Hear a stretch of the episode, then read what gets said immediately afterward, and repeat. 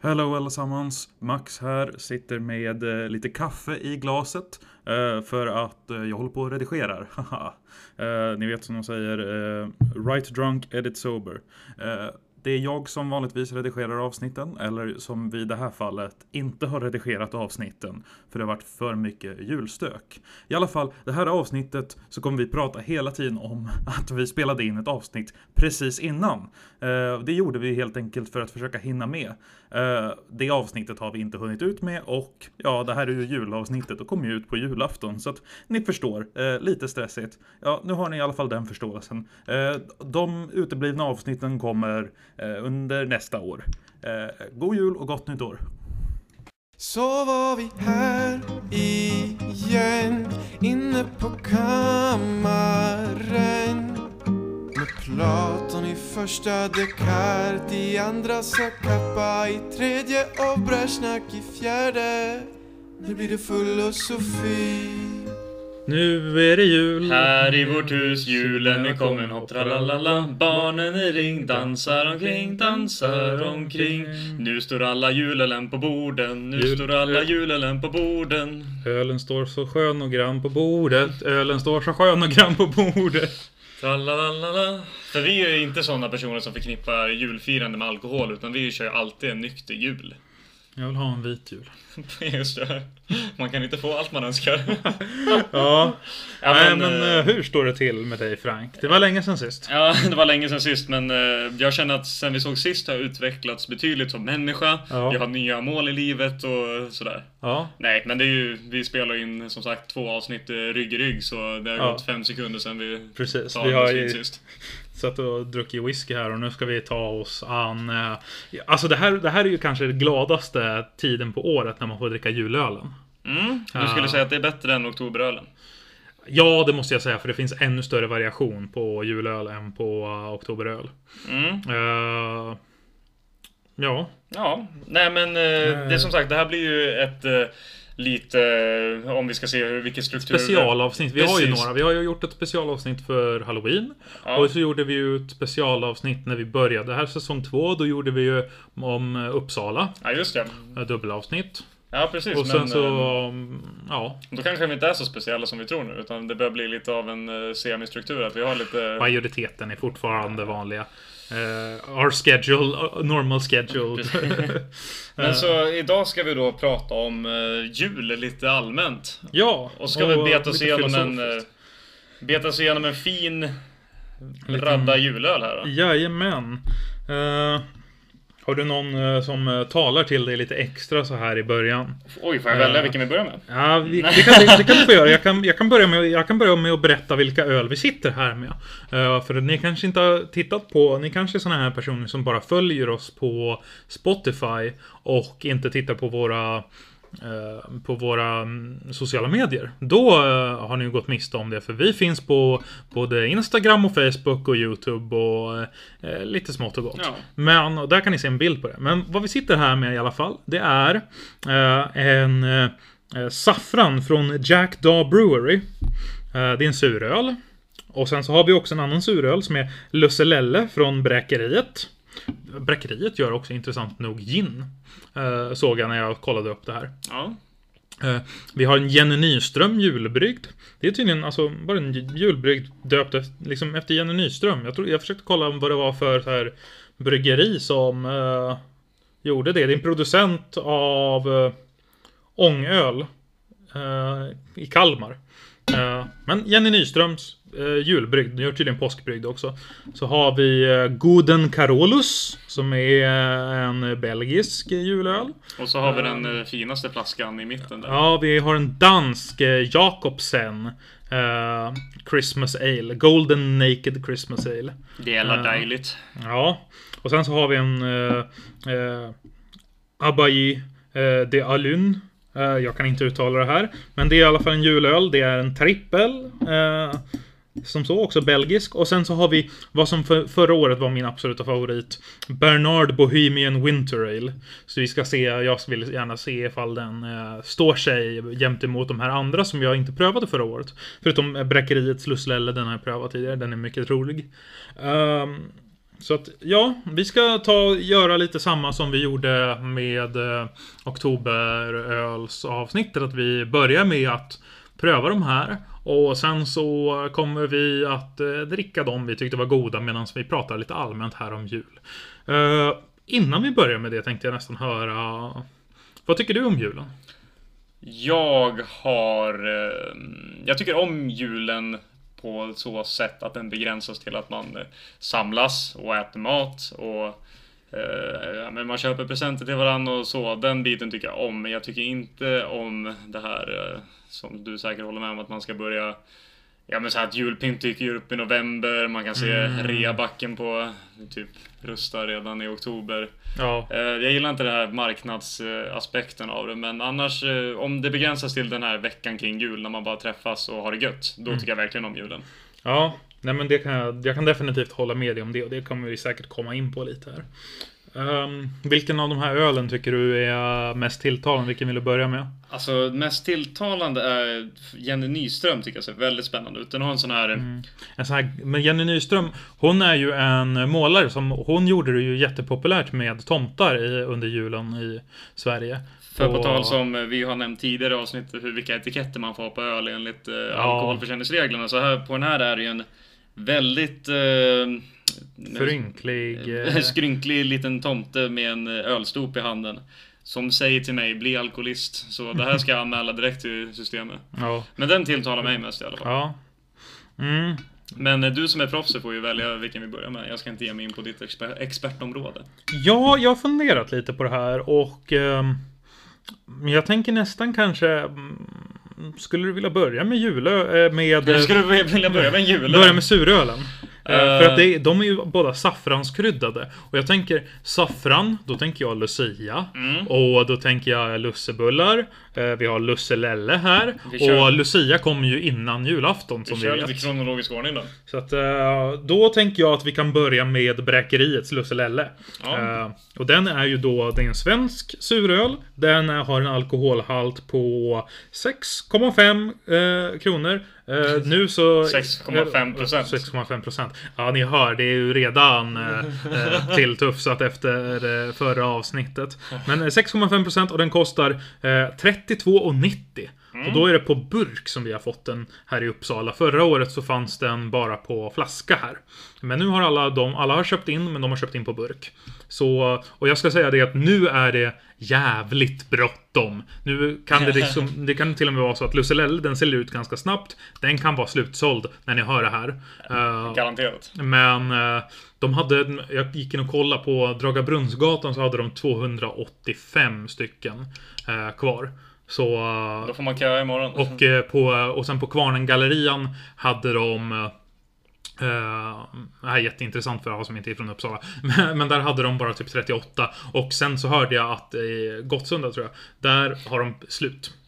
Ja men då så, då gäller det att Där passa på. köpte en eh, av eh, våra kära vänner upp de två sista. Oj oj oj. Härligt, härligt. Så ska vi ta ditt glas. Mhm. Här är inte det med vatten i. Mm, Nej, nej. bra. Ja, det är ju verkligen lussekattfärgat.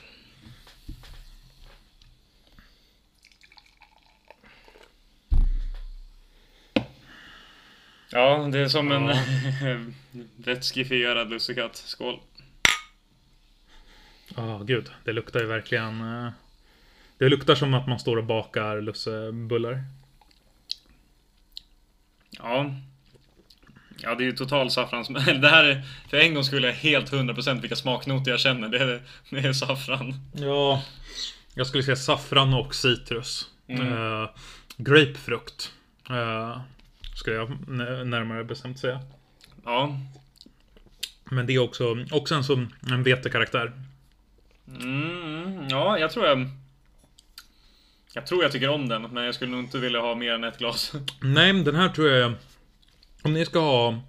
Eh, nu ska ni kanske vara lite försiktiga för nu börjar restriktionerna komma. Men om ni ska ha ett eh, trevligt julbord och så ska ni servera en eh, fördrink.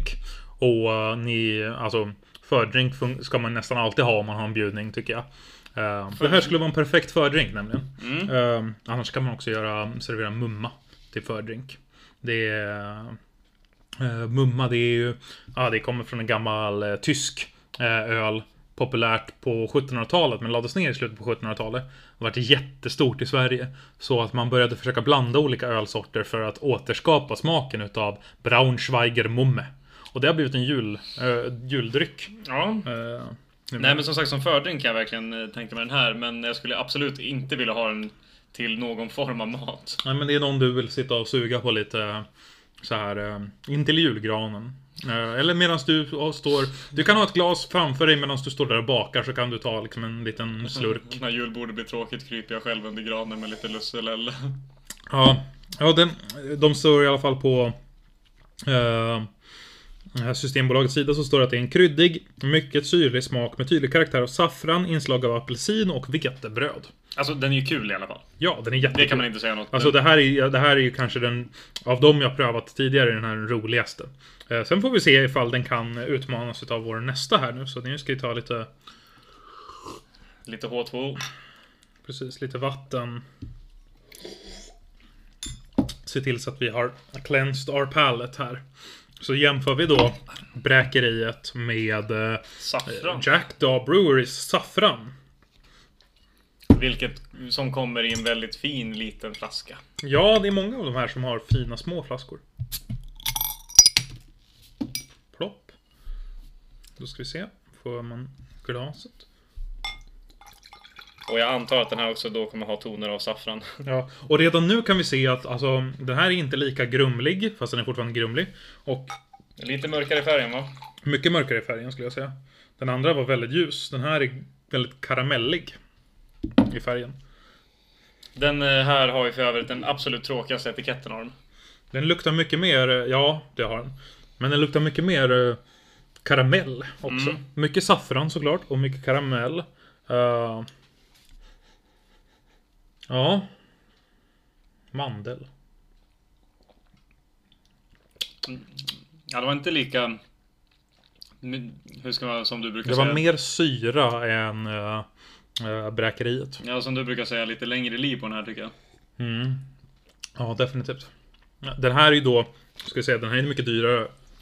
Den kostar eh, mer än dubbelt så mycket som bräkeriet. Eh, den är, alkoholhalten är 5,5 så den är lite lägre procent. Och eh, den kostar 69,90. Det är den dyraste utav flaskorna här.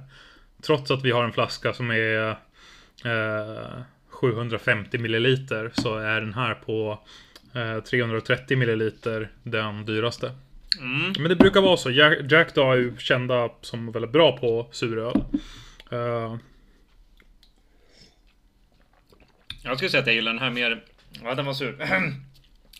yes, eh, jag skulle säga att jag gillar den mer än Lucelelle, men eh, återigen det här max ett glas. mm. Ja. Nej, jag skulle nog säga... Den här är väldigt, så här, väldigt syrlig och ganska uppfriskande så.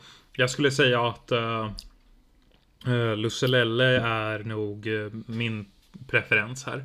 För att Lucelelle har mycket mer, uh, mycket mer saffranskaraktär. Men i den här så har vi dock, eh, Systembolaget ger den att den har en eh, kryddig, mycket syrlig smak med inslag av fat, saffran, torkad frukt, marsipan och apelsin. Marsipanen tror jag jag känner. Eh, Ja, Torkad frukt, ja det vet jag ja inte. men lite såhär rund marsipansmak. Mm. Det kan jag se.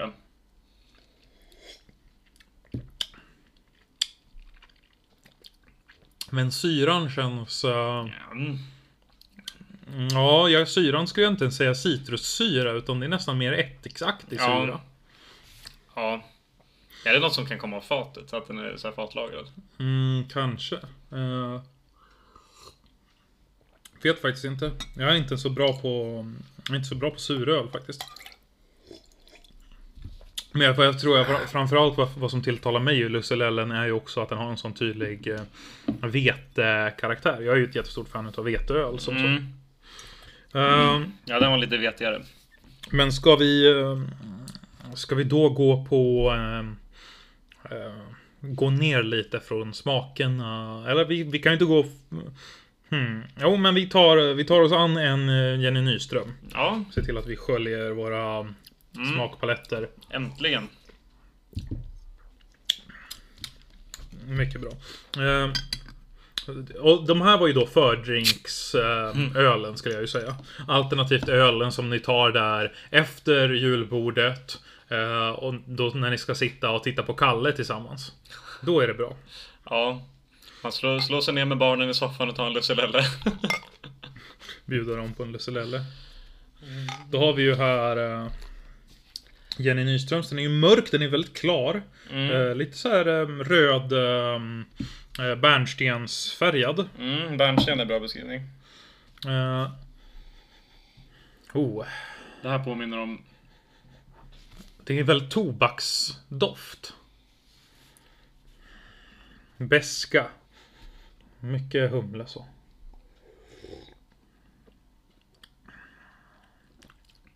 Ja, här var det mycket humle. Mm. Ja, och eh, råg.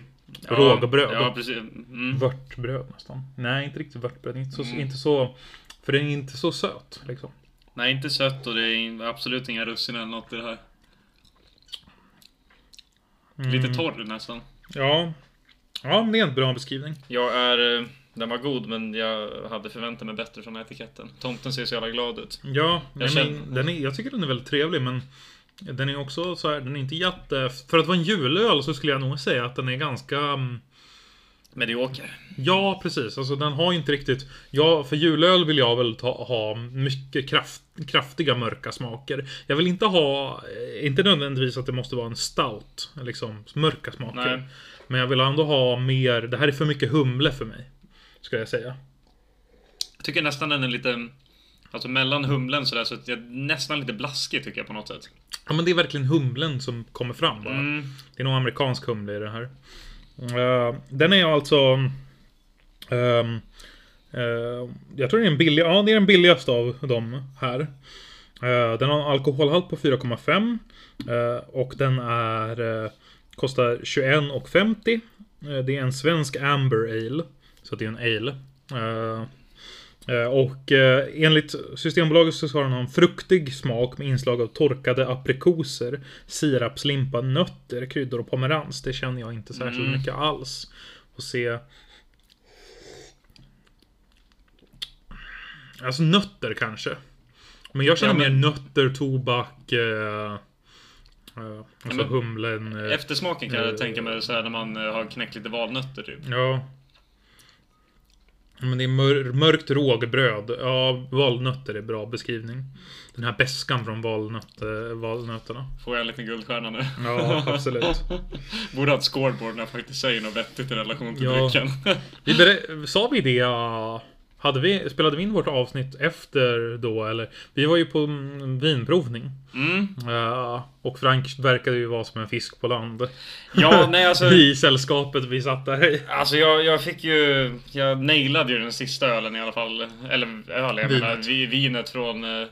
Vad var det? Något jävla georgiskt. Där satte jag Ja. smaknoterna klockrent för jag kan mina obskyra Ja men det var viner. verkligen det var som att du hade, det var en, en underdog story. Mm. Det var liksom, ja det här smakar ju gott. På tal om som vi pratade om i förra avsnittet, så här Heroes Journey. Ja. Jag, jag sitter där och lider mig igenom, sen till slut får jag min revansch. Nej men det var väldigt trevligt med... Det var ju på, vad heter det? Gästrike Hälsingland. Nation och det var... Jag har smygtittat på dem där förut men det här var verkligen över förväntan. Mm. Det var klockrent. Rekommenderar alla Uppsala studenter att eh, gå på Önologiska föreningens... eh, vad heter det? Vinprovning. Eh, Vinprovning, precis. Ja. Deras provningar. Eh, så kanske ni hittar oss där.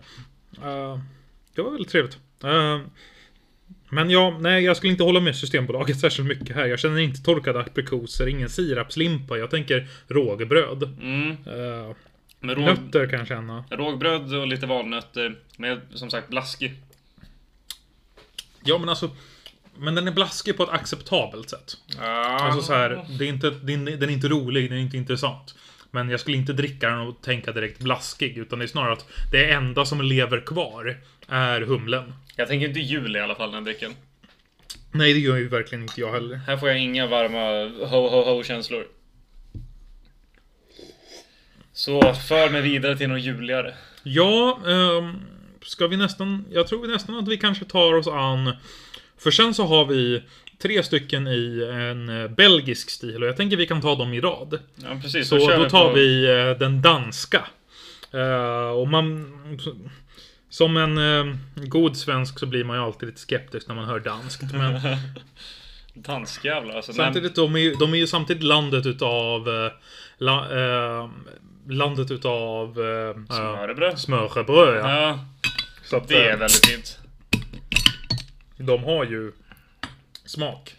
Skicka hit glaset. Ja, men där får du glaset. Nej men smörrebröd är väldigt... eh, Sist jag var i... Ja, Du har vattenkorv. nej men sist jag var i Köpenhamn eh, några, några dagar drog jag smörrebröd till frukost varje dag på något så här litet... Eh, vad ska man säga? Ja men smörrebröds motsvarighet till Slottsgrillen här i Uppsala. Det var riktigt dejligt alltså. Mm. Och det här ska ju sägas, det här är ju nog den finaste julölsfärgen som vi har fått hittills. Den här är ju alltså bärnstensfärgad, men den här är mycket mörkare än Ja, vad... det skummar fint också. Ja.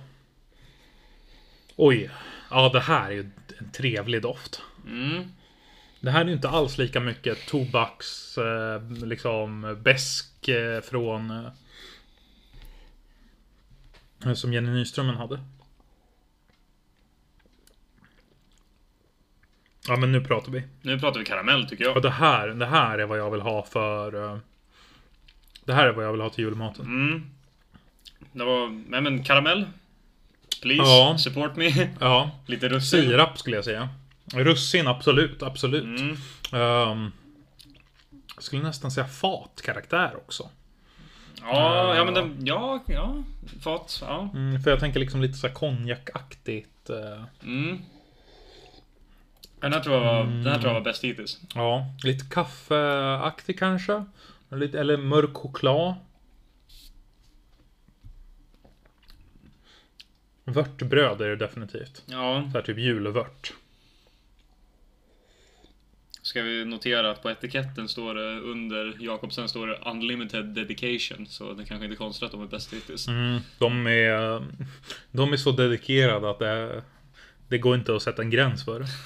De sover inte, de har inget liv. De... De de brygger Jakobsens julöl året runt. precis. Och så fort det är en smak som är fel, då kastar de ut allt och börjar om. Mm. De är obegränsade i sin dedikation.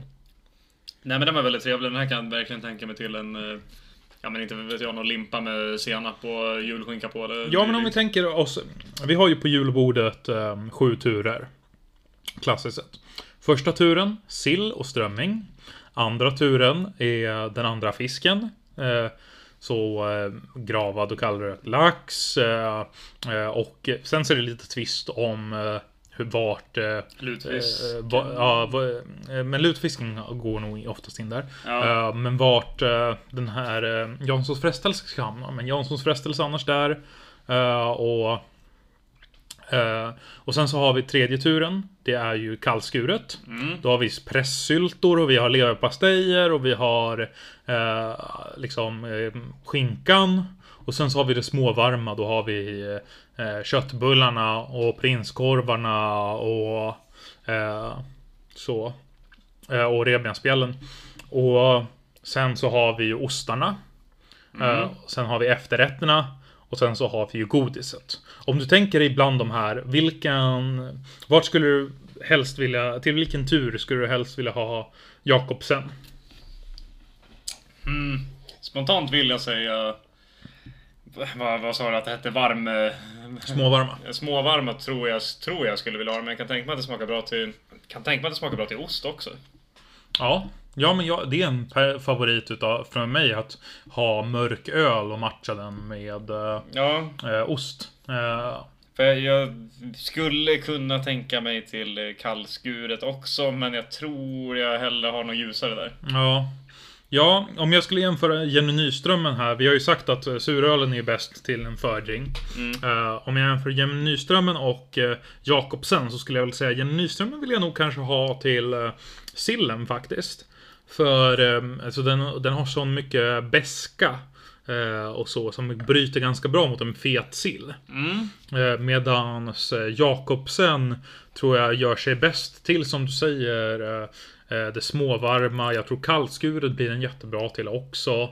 Eh, det är mitt i bordet man vill ha den liksom. Mm.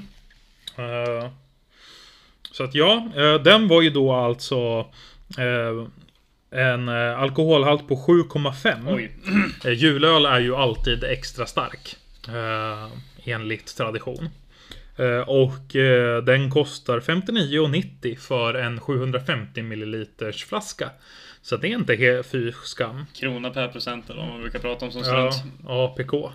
Ja. Alkohol per krona. Eh, sen så är det ju en eh, strong ale och den är gjord i Danmark så. Enligt Systembolaget så ska den vara en fruktig, nyanserad smak med sötma. Eh, inslag av aprikosmarmelad, ljus sirap, vörtbröd, kanel och nötter. ja, men det, nötter känner jag inte riktigt. Vörtbrödet och eh, eh, sirapen, det satte vi ju. Ja, nej men nötter kan jag inte hålla med om riktigt. Nej, det var inte tydligare riktigt. i föregående. Ja, Så då ska vi bege oss till Belgien nu alltså. då blir det lite belgiskt. Och då tänker jag, för här har vi en enkel, en dubbel och en trippel. Vi börjar med enkel då antar jag. Ja, och den är faktiskt inte belgisk, den är tjeckisk. Men det är en ljus öl i en belgisk stil. En ljus ale. I en belgisk stil. Från Tjeckien. Och det är ju då Bernard Bohemian Winter Ale. Det här var den jag tyckte var godast förra året.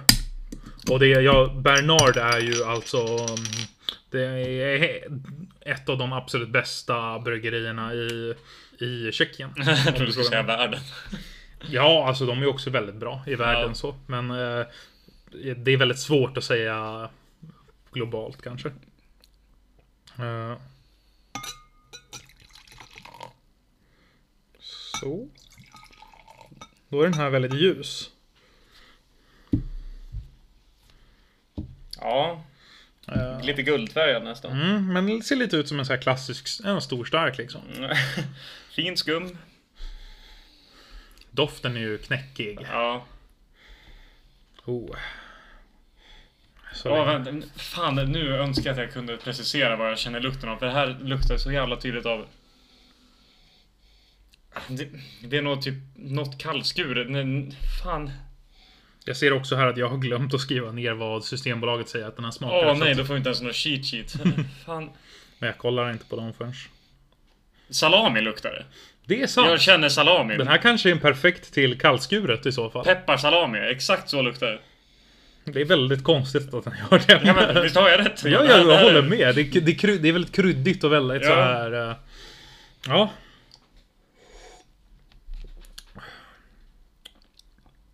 Smakar lite salami också. Ja, Jag undrar om det är något så här konstigt. Men vörtbröd, vörtbröd definitivt. Rågbröd, mörkt rågbröd.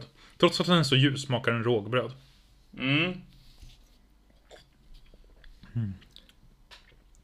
Så, så sp- spicy koriander ska det vara i.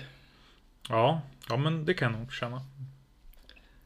Fruity aroma with notes of malts and spices. Ja, ja den här är ju definitivt väldigt maltig. Och det är ju min favorit. Alltså, min favorit bland öl är ju antingen att eh, som är i en liksom eh, en veteöl att det är väldigt liksom blygsamt i malten och eh, humlen.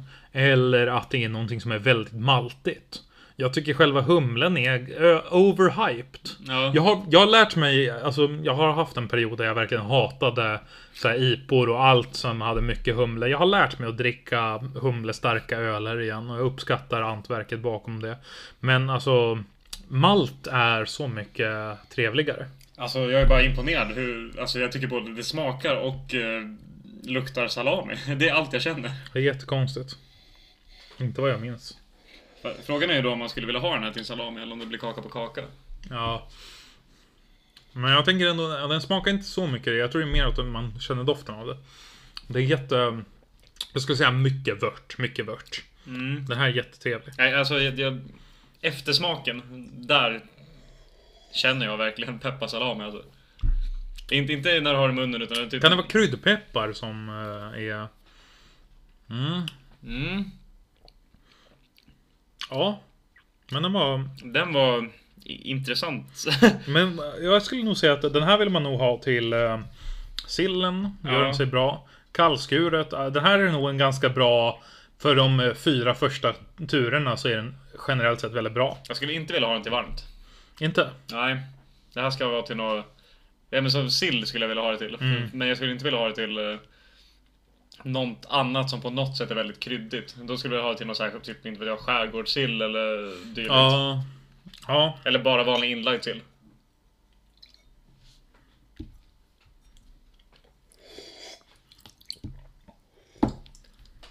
Oj, um, det jag ska säga det också att den eh, procenten på den här är ju 8,2.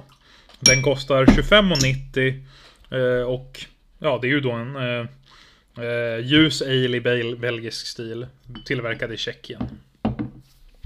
Tjeck, Tjeckien kan sina öl. Belgien, alltså det är lite synd. Jag hittade inga tyska julöl. Nej, Det borde... Det, fa- det fanns... Jag såg någon i början på...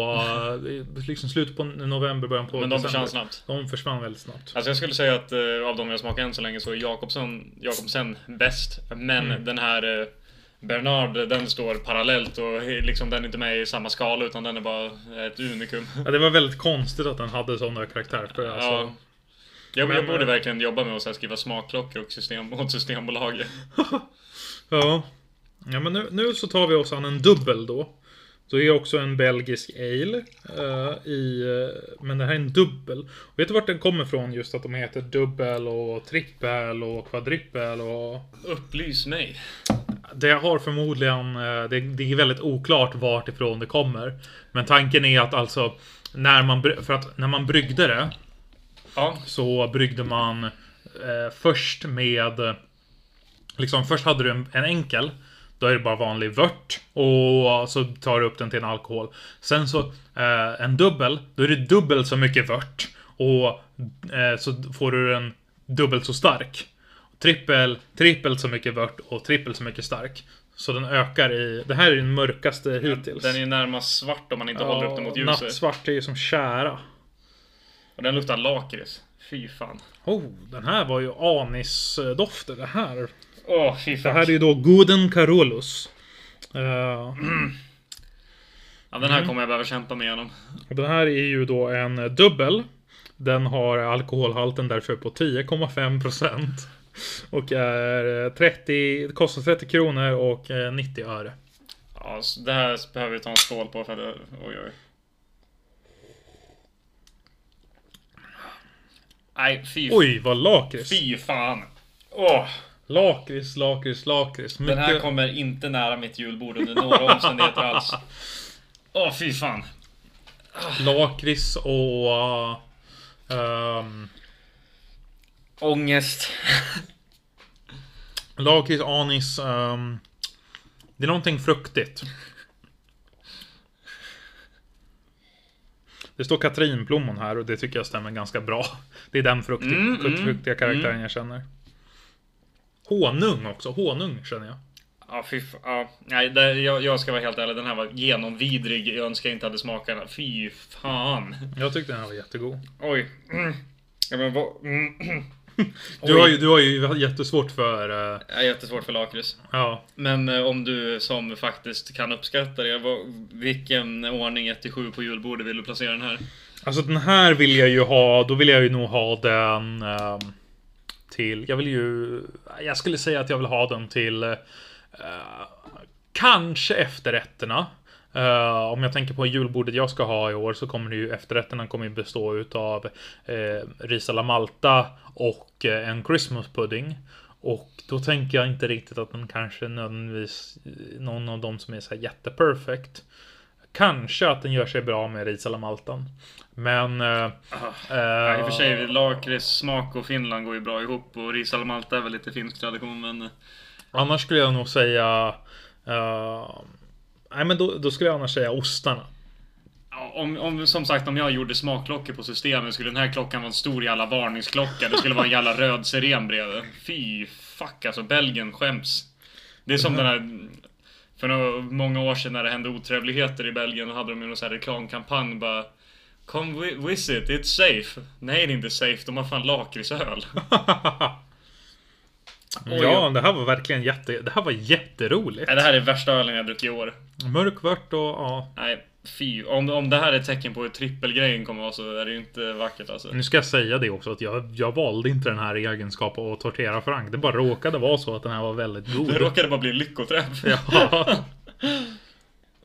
Alltså helt ärligt, ni kära lyssnare ser ju inte hur mycket vi slår upp i glas, men vi slår upp absolut max en deciliter här när vi prövar bara. Deciliter är det ju knappast. Nej, precis, det är knappt det, så jag måste ju verkligen kämpa, kämpa, Nej, kämpa. nej, nej, men de här glasen kan ju kanske hålla två deciliter. Ja, vad är det här då? Typ en halv deciliter vi får. eh, Ja, är typ Knappt en, det. en fjärdedels deciliter. Oavsett, ni förstår ju. Jag skulle säga att det är en fyra. Och jag kämpar med en fyra. Mm.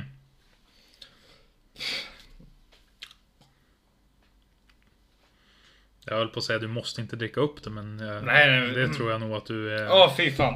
hängiven att göra. Alltså jag brukar inte överdriva, men det här, alltså jag överdriver inte. Det här, fuck mig. Ja, eh, den här står ju då att den är kryddig, mycket söt smak med inslag av katrinplommon, stjärnanis, kaffe, honung, choklad, torkade dadlar och kanel. Allt det där förutom kanel skulle jag säga att jag känner. Ja, kanel eh, var det absolut. Det var kanel också i Jakobsen, den känner jag inte heller. Nej. Fan vad gott med en ö. Alltså om man tänker någon som eh, typ Lusselelle fast eh, en kanelversion. Har du sköljt ur den här ordentligt? Den är fullt med skum. Ja, men, Jag tänker så att du inte korrumperar din smak av den sista här. nej, det får jag absolut inte göra. Mm. Då har vi då Abaye de Au- Aulne. Dalne. Dalne. Dalne. Jag kan, inte, jag kan inte belgiska tyvärr. Det här är en väldigt vacker. Den här blir jag sugen på. Eh, Det är en vit flaska. det här är då trippel. Eh, och, eh, men den är faktiskt också... Den är faktiskt lägre, eller? Vänta. Den, ja, den är lägre procent. Den förra var 10,5, den här är 9 procent. Ja men då. Så att, ja, skillnaden är inte jättestor. I den meningen.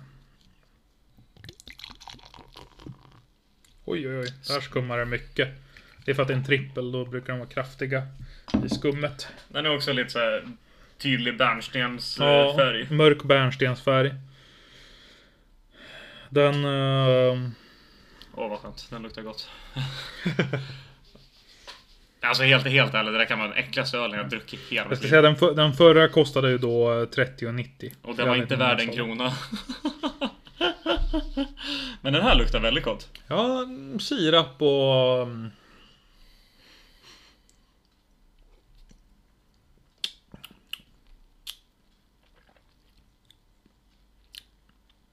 Ja, den här skulle jag... Det här är väldigt klassisk julölsmak, skulle jag säga. Den här skulle jag kunna tän- verkligen tänka med, med eh, senap. Något med senap. Skinka och senap vill jag Ja, ha den men här eh, det till. är kallskurna. Det kallskurna heter det. Mm. Ja, ja men precis. Och typ köttbullar och hela faderuttan. Mm. Köttbullar är ju varmt då, men du Ja. förstår vad jag menar. Ja.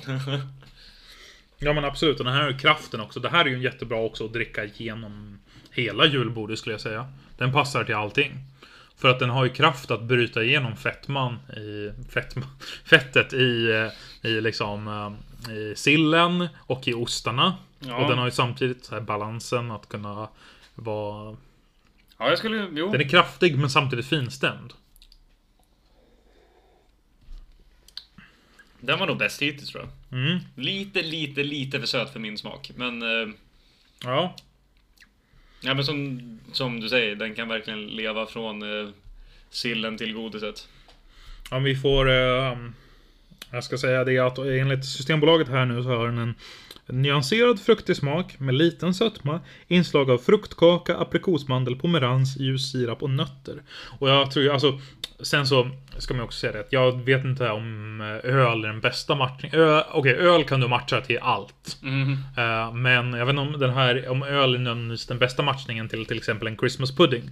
Eh, jag planerar på att eh, servera Madeira till Oj. eh, Oj, oj, oj. eh, ju- Christmas puddingen. Eh, men ju- den här hade definitivt kunnat mäta sig. Jag har ju privilegiet att vara inbjuden till det här julbordet så jag kommer ju få en sjuhelvetes upplevelse. Ja. Underbart alltså. Fan årets höjdpunkt. Men om vi får, om vi kan få en 1 till 7. Om du rankar den bästa till den sämsta. Vi vet ju kanske vilken som kommer vara den sämsta för dig. Okej, vad svårt. Ehm, det svåra här känner jag nu när vi... De är så annorlunda också. Ja, det svåra här känner jag att pricka in de, eh, saffran, de med saffransmak. Mm. Eh, men om jag får dra bäst till sämst, om jag måste rangordna alla, så säger jag ändå att den här salamin var bäst. Bernard är ju det då. Sen har vi den här, Abba är... Blö, blö, blö. Mm. Sen kommer Jakobsen. Sen blir det ju svårt, men jag tror jag vill säga... Jag tror jag vill säga sen kommer Saffran. Då är det då saffran från Jack Daw Brewery. Ja, så slänger vi in Jenny Nyström. Sen har vi Lusselelle och sist kommer den här eh, satans lakrits... eh, Goden Carolus. En goden, baden Carolus. ja, nej men Ja. det, det är nog min rangordning där. Ja. Eh, Den, den svåra tycker jag är Lusselello att placera överhuvudtaget.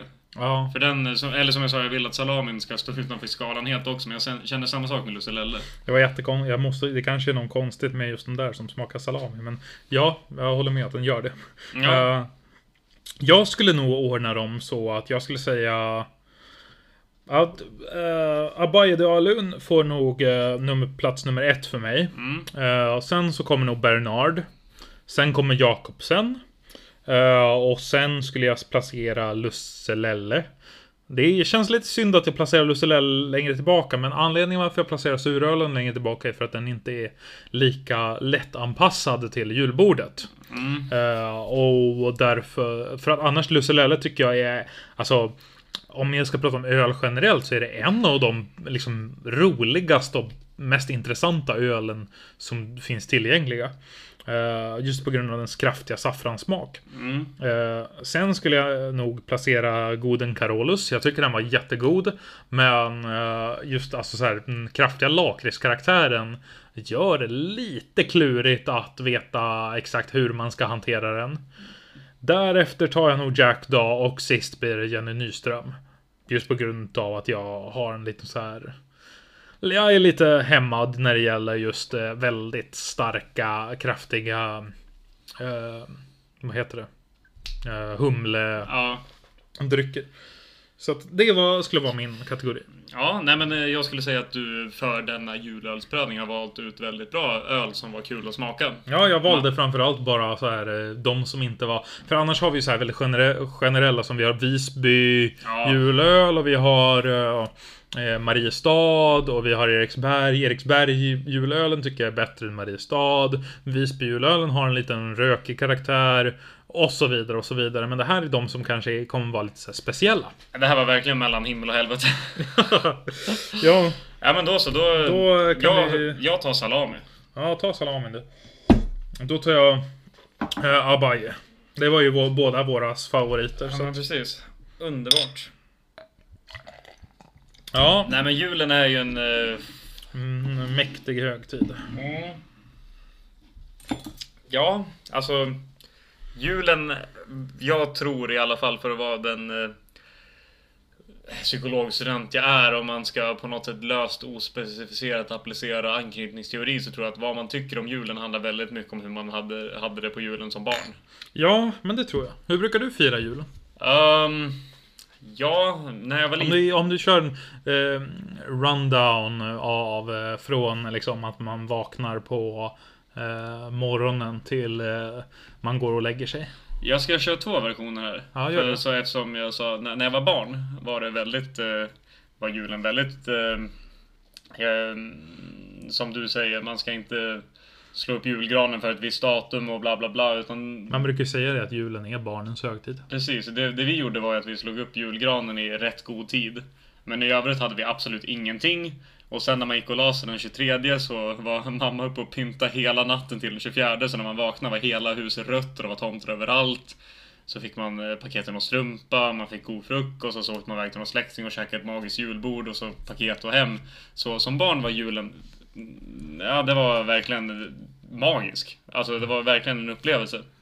Och det, mm, ja, det får man ju vara tacksam för. Men eh, sen, eh, sen jag flyttade till Uppsala eh, 2000, nej, nu när jag flyttade 2015 när jag flyttade hit så har jag ju jag tror jag har jobbat varje jul förutom förra när jag firade med exets familj.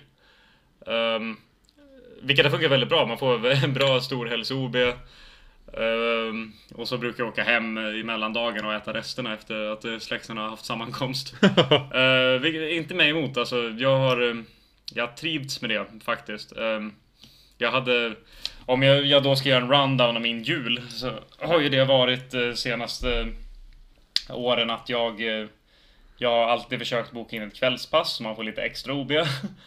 Så då brukar jag gå upp, äta en eh, liten julfrukost för mig själv som eh, den eh, bachelor man är med eh, någon eh, vörtbröd med eh, senap och en god skinka, lite sill och kanske rödbetssallad och lax brukar jag ha. Och sen eh, brukar jag dricka en julmust i det. Sen brukar jag gå ut och sätta mig utanför lägenheten oavsett om det är 5 plus eller 40 minus och röka en julcigarr. Och sen cyklar jag till jobbet. Julcigarr låter som en fin tradition. Ja, men jag- alltså helt ärligt alltså. Ibland har man ju varit lite så här eh, när man har stått på jobb och harvat och varit körigt. Eh, så här, är det värt det? Borde jag spendera denna jul med familjen istället för att tjäna cash just i år? Men eh, jag kommer ihåg specifikt en jul när jag bodde i, jag bodde i Rosendal och hade verkligen så här en en så här sjukt harmonisk morgon när man, när man tog den där cigarren och bara älskade liv och jag lyssnade på jag har en väldigt konstig association mellan eh, Som vi pratade om i Koreavsnittet så tycker jag om nordkoreansk musik. Mm. Och det finns en låt som eh, hyllar CNC-teknologi. Okej. Men av någon anledning har jag börjat associera den Det är en jullåt för mig nu. jag, jag, vet absolut inte varför de sjunger bara om fabriker och CNC men det är väldigt såhär bjällror och sådär så det är kanske är därför jag tänker på julen på den. Men i alla fall, jag sitter och lutar mig tillbaka i min stol, röker min eh, fina Cohiba-cigarr, lyssnar på den där och så mitt emot mig ser jag hur en familj ska släpa ut sina barn till bilen och de bråkar och de bråkar och de Ah. bråkar. Så att mannen och frun är osams och de liksom eh, Då kände jag bara, han tittar på mig. Och jag ser på han bara Han var lite avundsjuk på mig där tror jag. Men eh, nej men som sagt det, det är väl något man eh, slutar med inom Det är väl något man gör i 20-årsåldern tror jag. Och så här, inte lägger jättestor värde på julen när man har inte har någon egen familj och så, så det är väl något som kanske kommer ikapp en förr eller senare. Men eh, jag har trivts med det. Eh, Jag kommer nog köra ish samma sak i år. Okej. Och jobba lite och åka hem i mellandagen och äta upp eh, farmors rester. Ja. Spännande. Jag brukar... eh, i- det har varit väldigt här, traditionsenligt och det har all, nästan aldrig brutits. Det har varit lite variationer från år till år. Eh, för mig. Men eh, ända, sen, ända sedan jag varit liten så har min jul alltid bestått stått utav att vi eh, åker hem till min eh, kära mormor. Eh, och ja, när han levde fortfarande mormor och morfar. Och där har vi firat jul och Först så äter man ju i lite julbord och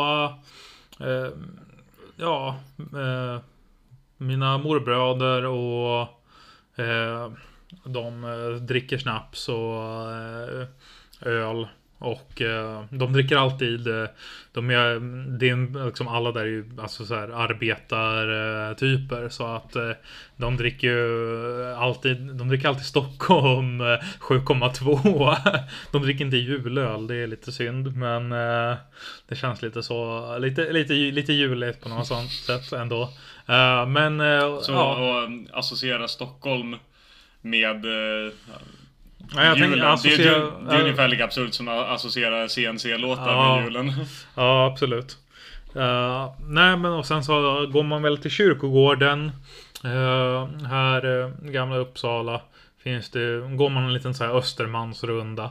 Uh, och sen så kommer man ju tillbaka och ja, då blir det lite kaffe och eh, godsaker. Och, oj, sen så börjar någon gå någon går ut och köper eh, mjölk eller något och så går det någon som knackar på fönstren och det råkar vara tomten. Eh, när jag var liten så räckte jag av. Jag var väldigt skeptisk när jag var uh, ung. Alltså, det, jag var väl kanske fem år då. Ja. eh, när jag gjorde det. För att jag var liksom så här. Alltså jag hade börjat ifrågasätta redan som fyraåring. Så bara nej, jag tror inte att det där är. Jag tror inte att det där är tomten. Nej. Jag tror inte tomten finns. För att jag såg ju väldigt tydligt, det där är en mask. Alla andra gick ju på det. Men eh, bland liksom eh, min syra gick på det och så, så gick jag upp och röck av masken utav min eh, ena morbror. Och då, han, blev, han blev så paff så han bara nej nu kommer jag aldrig någonsin vara här igen. Vara tomten igen. Och han har aldrig varit tomten efter det. Det har blivit mitt jobb eh, numera. uh, men då har jag spenderat det och sen så efter Kalle så eh, har man åkt hem.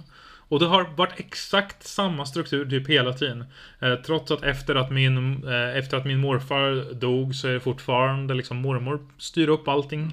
Och efter att mina föräldrar skilde sig så har det alltid varit exakt samma sak. Att man är där fram till Kalle. Och till och med förra året när det var liksom pandemi och mormor hade precis fyllt 80 liksom riskfaktor. Ja. Då gjorde vi exakt samma sak bara då firade vi det utomhus. Då hade vi öppen eld och grejer. Så att, nej, jag är väldigt van vid den här väldigt traditionella Ja. Inte traditionella i att det är liksom allting är så här extremt gammaldags men att man gör som man alltid har gjort. Och Ja. det för mig är eh, det, det har att göra med julens, glä, liksom, julens glädje och magi. Ja, jag hade en... eh, Eller jag har en eh, morbror som han brukade... Ibland firade vi jul med dem så det blev inte av, men oftast gjorde vi inte det. Och han brukade komma och hälsa på i mellandagarna.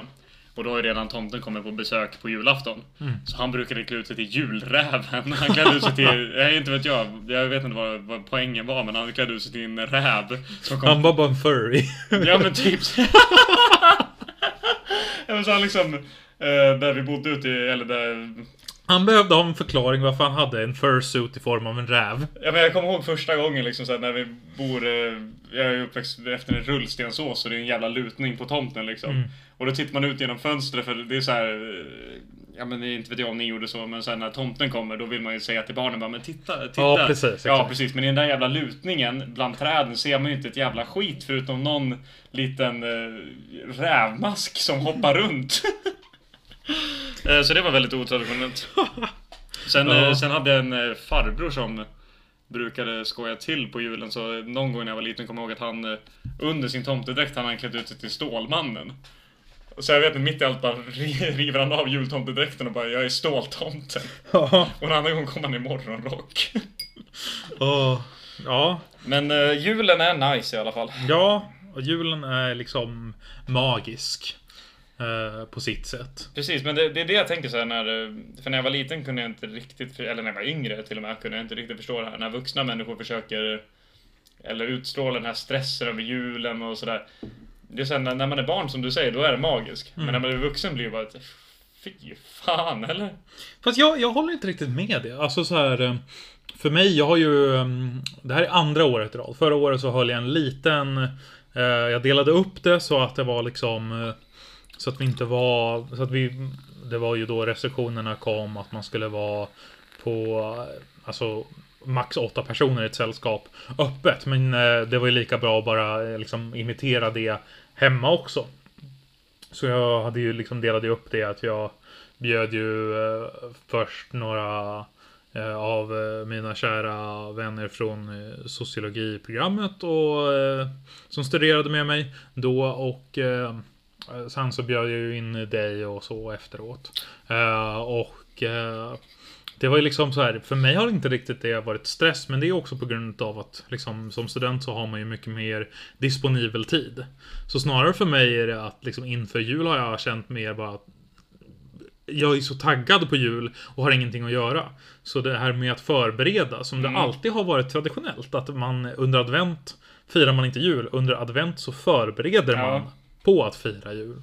Eh, Det har varit riktigt viktigt för mig. Det tycker jag är väldigt kul att få liksom Ja men som eh, idag, jag var, gick in på ICA Torgkassan och jag blev överlycklig när jag såg att de hade ungnötslever. De hade lever för bill, ett billigt pris. Så jag kan göra en egen leverpastej.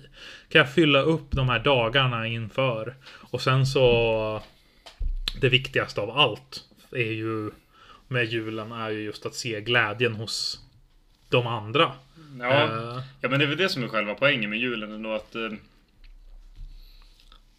Ja men när man är liten är det att man vill ha, inte vet jag, jag brukar alltid önska mig någon så här eh, Sagan om ringen actionfigur. Men Ja.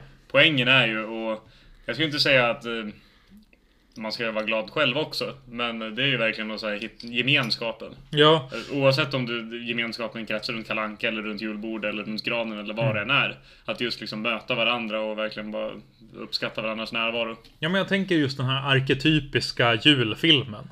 Det är alltid folk som liksom inte, alltså, en, de gillar inte riktigt varandra. Det är liksom in, det är bråk. Man brukar, eh, framförallt moderna, man brukar framhäva att julen är inte så här bara alla älskar varandra som gamla filmer gjorde. Utan numera är det liksom man framhäver att nej men, ja, eh, faster eh, Kerstin hatar mo- morbror Kent. Och de kan inte komma överens. Och eh, haha, det är kul med det. Och det är liksom det som moderna julfilmer är och julhistorier. Men bakomliggande det så är ju det budskapet att julen är ändå den tiden då vi alla kommer eh, tillsammans Ja. och förenas. Och därför tänker jag på, då tänker jag direkt på Källing. Eh, som vi har pratat om eh, nu eh, eh, i den här säsongen. Källing säger just det att hemligheten med kärleken ligger i det att den förenar det som hade kunnat varit för sig själv, men som ej längre kan existera utan den andra. Ja. Och det tycker jag är väldigt väl summerar just till exempel att om, om en vän till dig bjuder in dig till ett julbord och där i så finns det inte bara de du känner och är vän med tillsammans med den här personen, men också den andra vänner till den. Och alla de här personerna kommer tillsammans. De kommer tillsammans för att göra den här resan som ett julbord är och uppleva det. Och man känner den här gemenskapen. Alla de här personerna hade ju liksom kunnat vara för sig själva. Men de har träffat varandra genom den kärleken som är just att man bryr sig om varandra. Och Precis. Eh, Det är väl väldigt mycket, det är julens budskap och därför tänker jag också, alltså om man ska gå tillbaka och kolla varför firar vi julen? Alltså, vi firar julen till Kristi födelse, men traditionerna och så vi har kommer ju också utifrån eh, liksom eh, Hedniska väldigt traditioner. hedniska traditioner. Ja.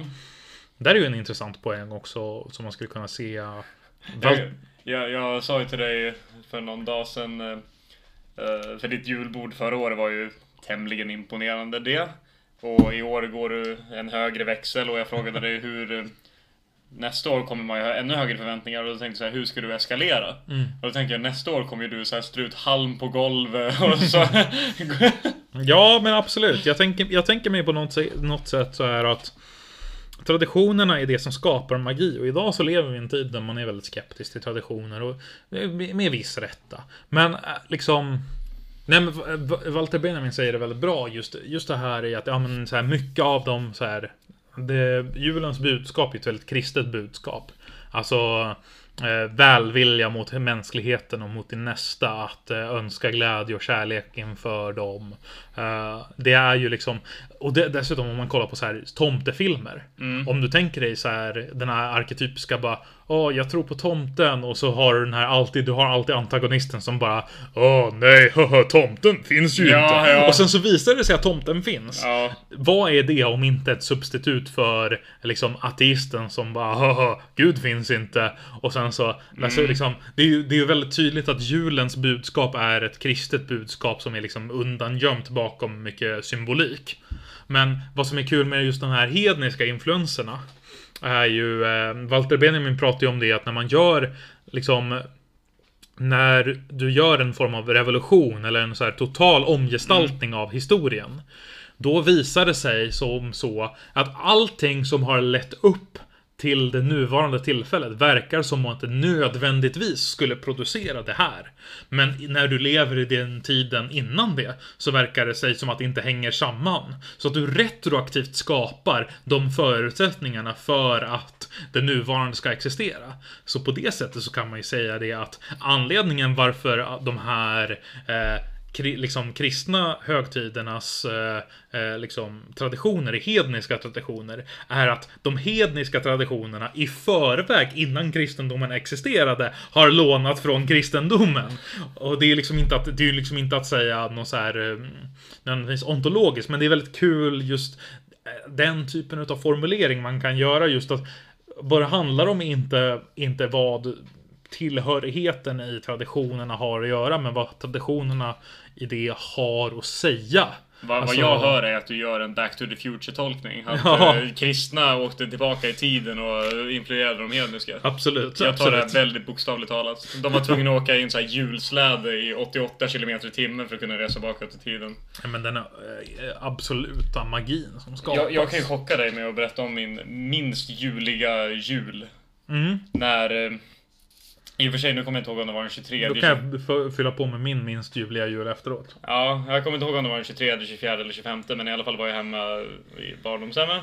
Och så hade vi kommit överens om att nej men fan vi orkar inte julen i år, det är så mycket jobb med julbord och sådär. Jag ser du dör i blicken. Åh, Men det vi beslutade då var att vi skulle äta tacos. åh nej. Och dricka eh, ryskt eh, vin, första som var producerat på ockuperade Krimhalvön. som vi hade köpt när vi åkte Transsibiriska några år innan. Så vi drack eh, ryskt rödvin och åt eh, mexikansk tacos. Det var min juliga jul, men fy fan vad gott det var. Ja, gud. Min minst ljuvliga jul var det, samma år jag fick Spotify Premium. För att Är det då... där korrelation eller kausalitet? Ja, det är kausalitet 100%. Ja. För att då så gick jag in, jag skapade min julspellista. Herregud vad kul jag hade. För att eh, morsan och farsan hade fått det där via, via någon så här eh, telefonabonnemang. Så att vi fick alla premium. Och då gick jag in och skapade en julspellista åt mig själv. Jag skapade den i slutet på oktober och blastade sönder den. Eh, liksom hela slutet på oktober, november, början på december. Sen när jul kom Magin var borta. Jag hatade julmusiken. Ja. Jag gick tillbaka och lyssnade på gammal musik. Jag kom, till, jag kom hem till mormor. Det var inte alls samma Nej. känsla. Det var verkligen bara... Ja, jaha.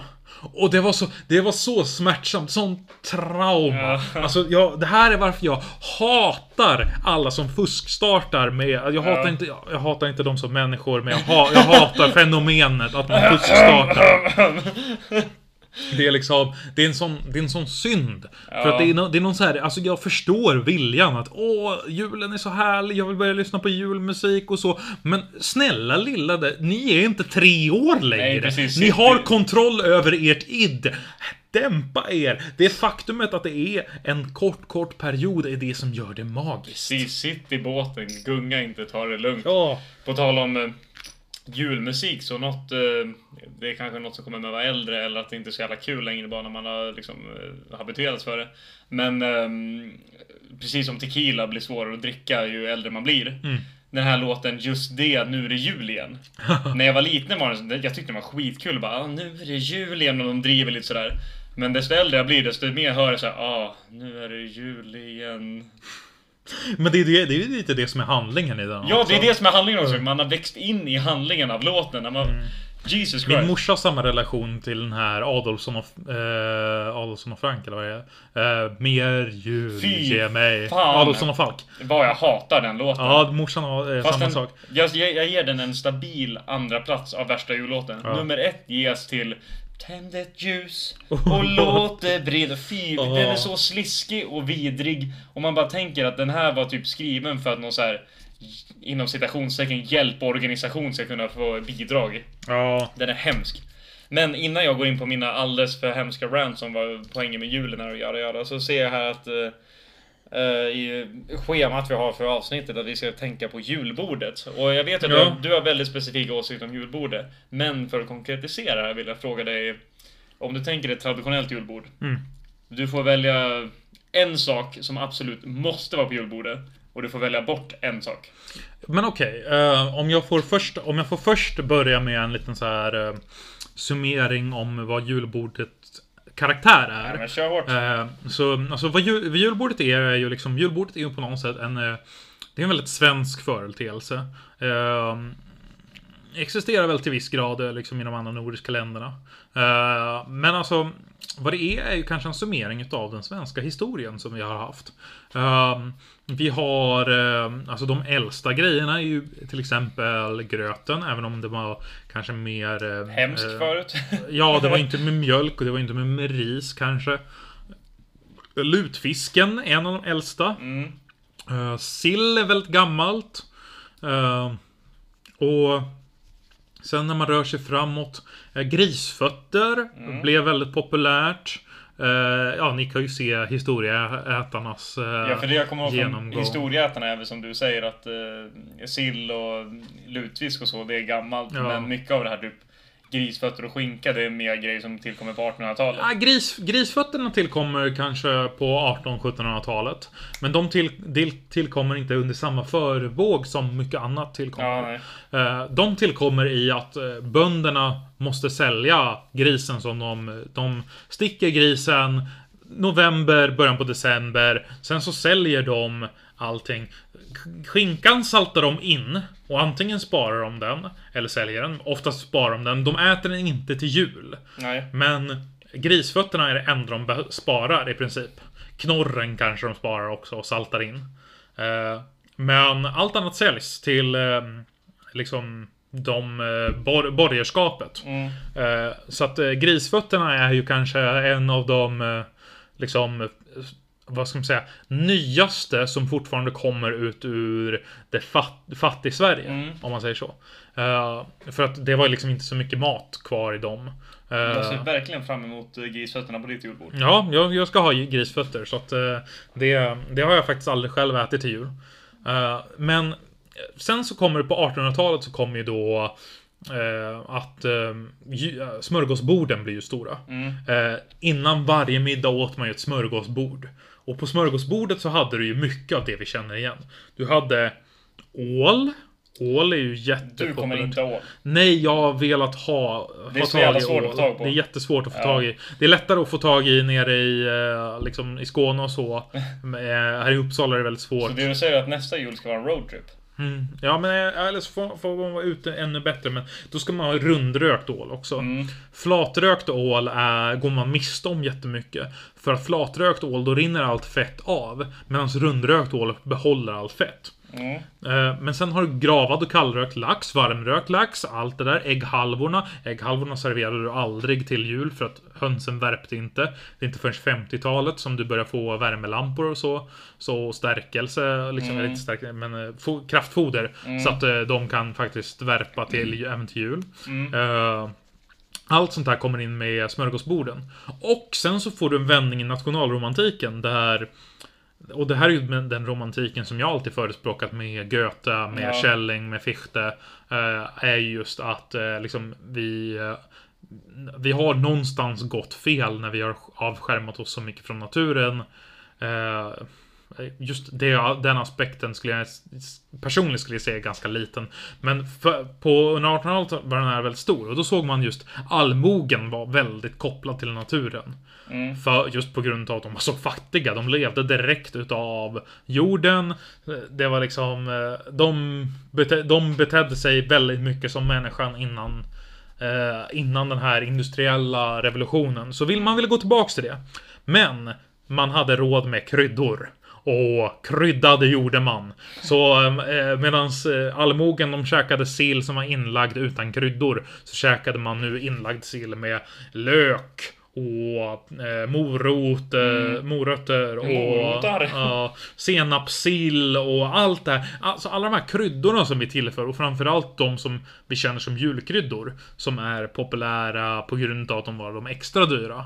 Eh, ingefära, kryddnejlika, kryddpeppar, eh, saffran, eh, kardemumma eh, och så vidare. Kanel. Allt det här är ju för att de var så dyra. Mhm. Så eh, då börjar man servera det för borgerskapet tillsammans med smörgåsborden till jul. Och då blandar man ihop det och sen så börjar folk komma hem när de på julafton skulle servera. Ja, men då tog man med sig vad man fick på restaurangerna. Så på det här sättet så är ju verkligen liksom julbordet för mig, om du frågar mig, är ju en historisk resa. Det är ju någonting som ger oss en eh, upplevelse och en koppling till vad, vad Hegel pratar om när han pratar om eh, Geist. Ja. Alltså andan, så pratar han om Volksgeist. Som är liksom folkandan. Så till exempel, du kan skilja på en eh, tysk Volksgeist och en svensk folks, Volksgeist och en dansk Volksgeist och en eh, kinesisk Volksgeist. Och sen kan du prata om en Weltgeist som är Ja. liksom eh, ge, sammanslagningen utav alla de här åsikterna. För, och eh, på, det, på den meningen så är det ju liksom det här är ju en eh, återupplevelse utav hela den här svenska historien. Och vi får på något sätt, vi får möjligheten av att återuppleva det. Och idag lever vi i en tid där man Traditioner är osexiga. Alla vill vara liksom lite revolutionära, lite så nyskapande. Ja. På grund utav vad jag skulle säga är liksom imperativet från eh, det här eh, kapitalistiska samhället vi lever i. Att just att vi vill ha nyskapande, vi vill ha nytt. Så därför tar man in så här saker som sushi, tacos, ärtskott. Eh, och får låta dem få rumla runt med dopp i grytan som Edvard Blom sjunger om i sin jullåt. Men jag, jag Men ska, eh, det, det, jag tycker, för mig är det helt fel. Så om jag får, om jag får circle back till att säga vad som är det bästa och det sämsta. Mm. Eh, så det vad jag säger det bästa är... det går inte riktigt att säga en sak som är den absolut bästa. men på om, grund om, av- du poni- Ja. om du ponerar att jag håller en julpistol mot Ja. ditt huvud. Men det går, det går inte riktigt för att vad som, det viktigaste är själva upplevelsen. Mhm. Men vad jag kan säga är vad jag själv tycker är det absolut godaste. Exactly. Eh, då tror jag nog att jag kommer att säga eh, att det blir... ehm, det blir nog i så fall den gravade laxen. För att den, eh, ja, den är så god. Den är liksom bra Mm. liksom fett, eh, fetthalt och så, så krämig och fin. Ehm, vad som är det värsta är varje försök att Åh nej, vad tråkigt det är med den gamla tråkiga mossiga julbordet. Vi måste skapa nytt. Någon sån här currysill. Eh, och det är det minst vär- värsta. Det värsta är ju folk som bara, nej men vi kan ju ha pizza. Vi kan ju ha kebab. Vi kan ju ha sushi. Du har för fan, du har 364 Ja, dagar på året att vara nyskapande. På självaste julafton. Okej, men, men, Snälla. men. Om du måste välja bort något av det traditionella julbordet. Något av det traditionella. I så fall så tror jag nästan att jag väljer bort den här eh, burk eh, rödbetssalladen. Jag tycker rödbetor har jag lite svårt för. Okej. Eh, och eh, jag ska göra rosolje idag. Eller inte idag, men i, i år. Idag. Eh, Klockan tre på natten, Max ställer sig upp och kör hårt. Estnisk eh, Ja, det, är, det rödbetssallad. är väldigt gott. Eh, Alltså, för, för mig är det lite mer, jag håller... Jag håller med om det du säger på sitt sätt, men... Jag är inte lika traditionalistisk. Det är inte så att jag vill ha sushi på julbordet. Det är absolut inte. Men för mig är det inte så här. Jag är inte lika mycket svensk geist. Utan för mig är det mer så här. Om... Jag behöver någon personlig koppling till det för jag ska uppskatta det. Om jag får veta att... eh, Ja men din mormor var jättebra på att grava lax. Då har laxen en naturlig plats på bordet. Eller som eh, min farsa, han är jättebra på att göra vissa rätter. Det, och mamma gör också väldigt bra rätter. Och då har de såklart en naturlig plats på julbordet. På grund av att jag har en personlig koppling till dem. Eller om jag bara hör någon så här historia. Typ, eh, ja men det här åt vi alltid när mormor var liten eller något sånt. Mm. Men själva grejen om man ätit det för alltid. Ah, jag köper inte riktigt det för jag känner mig inte.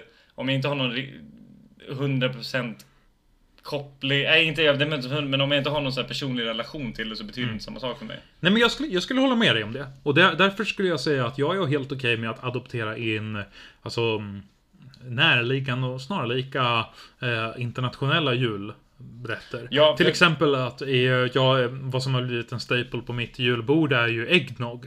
Eh, Ja. Vilket jag vet att du är väldigt Den, förtjust den i. är...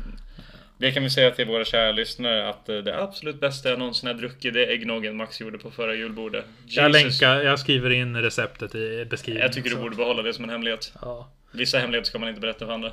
det är, ändå jul. Det får bli min uh, julklapp. Eh, nej men jag håller, jag håller helt med. Men jag tror att om man ska ny, om man ska... Man måste definiera, det viktigaste är det man har en personlig koppling till. Mm. Eh, men jag tänker att om man vill ha något nytt. Det här är så jag jobbar. Eh, när jag gör, lägger upp mitt ny julbord. Är att om jag vill pröva något nytt. Då gör jag inte så att jag bara slänger in bästa liksom, som jag tycker är jättegott och hoppsan hejsan vad kul. Mhm. Utan då går jag snarare tillbaka. Antingen går jag och kollar på vad serverar man i Storbritannien på ju, till jul? Vad serverar man i USA? Vad serverar man i Tyskland? Vad serverar man i Ryssland till jul? Eh, och, eh, eller så går jag tillbaka och kollar, oh, men vad finns, vad har man traditionellt serverat i Sverige? Mm. Eh, och det är mer viktigt för mig än att man ska liksom än att man ska komma in med massa nyhe- nyheter. Ja, sen, sen tycker jag också, vad jag, vad jag blir också lika, men inte, inte exakt lika irriterad på. Det är folk som ska göra klassisk julmat i ny tappning. Som ska liksom, ja ah, men, åh gud, ja men som jag nämnde typ så här, ja ah, men sillen är väl tråkig, vi gör currysill. Alltså jag, jag är ingen riktigt emot det. Jag tycker det... Cursed. det absolut värsta jag har ätit senaste... Ungefär som det här, eh, den där ölen var det värsta jag druckit senaste året. Så eh, hittade jag på Ica, på rea, en... eh, På Lidl var det förresten, ingen skam över Ica. Men det var sill med thai-kryddning. Mm. Och jag tyckte det lät spännande för jag tänkte så här lite chili och sådär men det var ta fan den värsta, sill jag ätit. Men jag ser ju hellre att eh, För jag håller helt med om att julbordet ska Man ska sitta i båten, man ska äta det när det ska ätas Man ska inte börja pynta sig hela tiden och bla bla bla Men om man faktiskt ska förändra något på julbordet För det är ju så man har gjort över tid att eh, Hellre att jag förändrar en rätt som redan finns Ja. än- Än att jag introducerar en helt ny rätt för jag Ja, menar, men det som, håller jag med men om. som, som du säger liksom, eh, du ska laga lätt, lättländsk Ja, estnisk. Estnisk, eh, Baltikum, shit the Ja. same.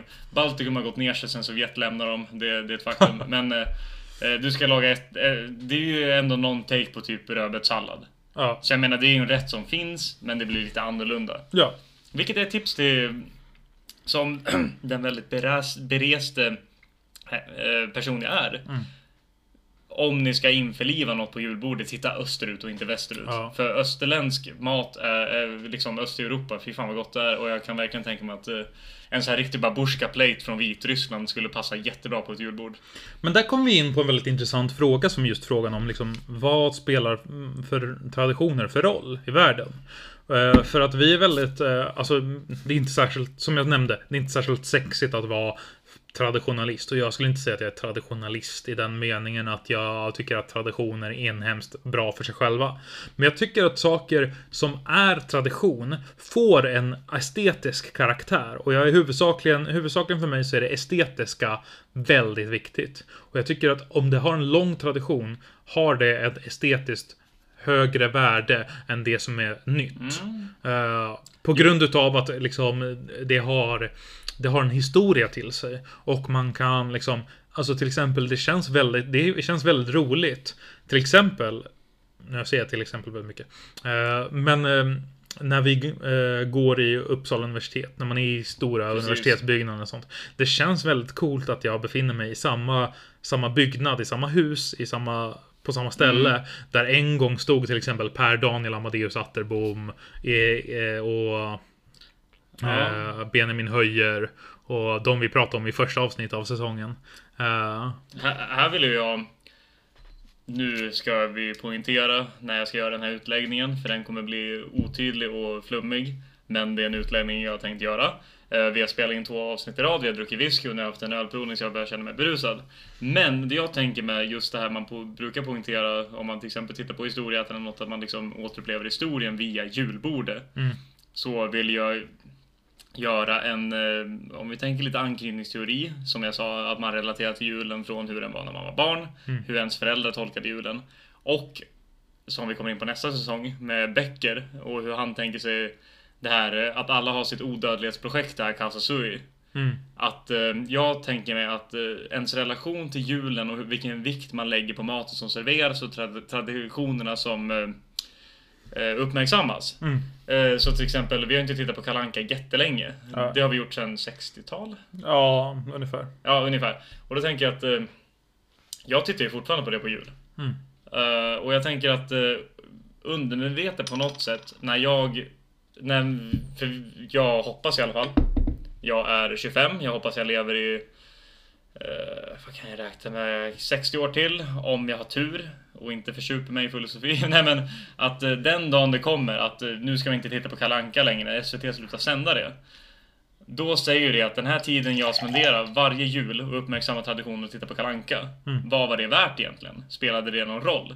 På samma sätt när någon slänger in sushi på julbordet. Då säger det att jag har slösat tid på att eh, liksom hålla fast vid de här traditionella rätterna. Nu kommer mina jävla barnbarn och vill ha sushi. Mm. Det säger ju någonting om liksom det, det, det liksom både emotionella och liksom eh, på något sätt moraliska värde jag har lagt vid traditionerna. Ja. Det säger ju till något mig som eh, individ att jag, jag kanske inte hade 100% rätt i de traditioner jag uppmärksammade. Mina föräldrar kanske inte gjorde rätt. Och det får mig, kanske, även på något sätt undermedvetet att liksom nedvärdera Liksom se mitt värde sjunka i relation till omvärlden. Ja. Så, tänk, så tänker jag om tradition. Att det ingår i min mitt... Eh, man rationaliserar det som att det ko- liksom, kopplar mig till omvärlden och jada jada. Mm. Men att det... ehm, att det... ehm, Ja men det, det blir på något sätt ett hot mot min identitet som person om det förändras. Nu ska jag säga att jag tar Lusselellen här. Så. Och eh, jag satt... Eh, jag fick eh, frå frågan från en kursare som eh, hade fått nys om podden om vi faktiskt blev fulla i podden. Och nu kan jag ju bekräfta att eh, jag är berusad vid det här laget. Ja, det beror, beror lite på avsnitt från avsnitt, men nu har vi ju kört två i rad. Så att, Jag skulle känna vad, om vi ska recapa säsongen, om vi tänker Mm. säsong två. Vilka var våra fullaste avsnitt? Jag jag, säga... jag, jag, vill, jag vill svara på vad du, vad du pratade om där först innan vi Ja, eh, tar det. Eh, nej men vad jag... Vad jag, ehm, jag, skulle absolut, jag skulle absolut hålla med om att liksom, det, har, det har ju lite att göra med att man känner Åh nej, det jag är van vid, det jag har liksom byggt mig själv på. Det blir hotat. ja, Men samtidigt så skulle jag också säga att det bygger också lite på en så här Hur ser man på tid? Alltså ser man det linjärt eller ser man det cykliskt? Eh, och det här har ju kommit med moderniteten mycket liksom eh, Folk hade basically inte klockor förrän eh, efter industriella revolutionen och Det tågen. jag, bara en fotnot där, tycker jag är en väldigt fascinerande grej. Att, eh, jag kommer inte ihåg vilken tidpunkt det är. Mm. Jag tror det är fram till slutet på 1800-talet eller Ja. början av 1900. Att man hade olika tidszoner Ja. inom Sverige. Ja, det hade man. Eh, och det har man liksom, och, och innan, liksom innan 1800-talet så var klockor basically leksaker för de jätterika. Och vi kan vara överens om att vi hatar vintertid. Ja, ja, Ja. men... eh, För att eh, innan dess har man alltid haft en relation till liksom, tiden som cyklisk. Ja, Och jag tror på något sätt att, eh, att det är en bättre bättre sätt att förhålla sig till tiden. Jag säger inte att den är mer naturligt, jag säger inte att det är mer eh, på något sätt. Jag tycker att det är bättre, ett bättre sätt att förhålla sig på det. På, av den anledningen att eh, eh, dels så tror jag att eh, den här eh, linjära tidsuppfattningen har genererat för oss eh, alltså väldigt förödiska mm, positioner. Eh, om man ska se till till exempel eh, ja, men, eh, 1900-talets eh, så här, Sovjetunionen. Man rättfärdigar sig med att jag tjänar tidens fort, fortskridande och så. Men Sarod- också- Sarojina sa Stalina. Men sen tycker jag också att det eh, finns ett eh, estetiskt värde. Som jag tror inte att det, jag, tror, jag tror det är felaktigt liksom eh, Felaktigt att bara reducera det till en form av självbevarande. För det Nej, handlar men- ju inte om en självbevarande eh, individuellt sett. Det handlar ju snarare om en bevarande utav tidsuppfattningen. Utav att liksom nu kommer vintern, då kommer snön att komma, Mm. då kommer glöggen fram, då kommer eh, lussekatterna, då kommer julölen Precis. och julborden och allt, att allt de här traditionerna finns. Medan den inneboende i, mo- i moderniteten, tradition vi har just nu, är ju att avförtrolla världen. Och att avförtrolla världen är ju att säga att nej men för att de här är traditioner Det gör ju inte att de har en in, Det gör ju inte att de har något inhemskt värde. Om något så är ju liksom Att det är en tradition betyder ju bara att det är förlegat och gammalt. Vi behöver ju skapa Ja. Skapa nytt. Vi behöver också att man Det är därför som vi får saker som att vi får liksom Ja, eh, här har du en eh, eh, lussesemla.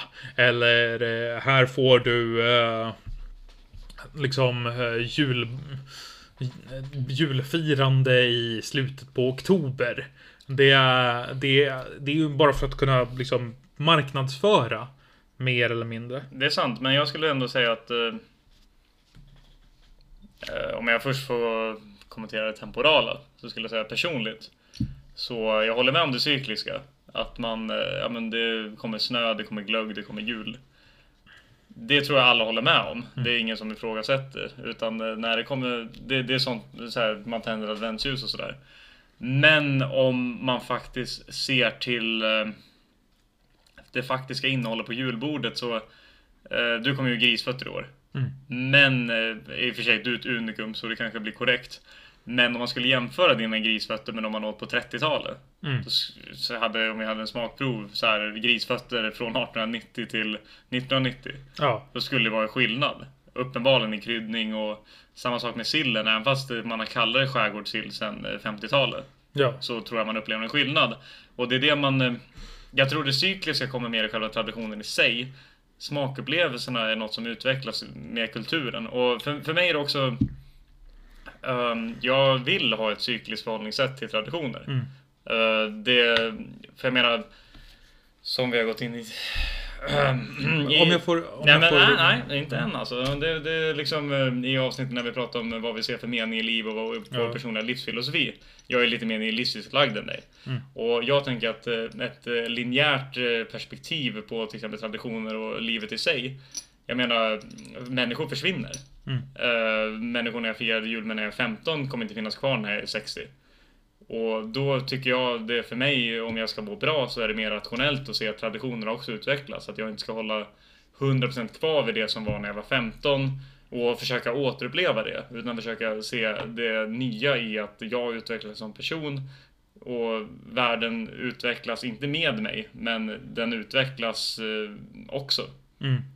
Så jag, jag har nog med jag har ett cykliskt perspektiv på årstider såklart, för vad fan ska man annars ha? Ja. Men att ändå det är okej att saker förändras.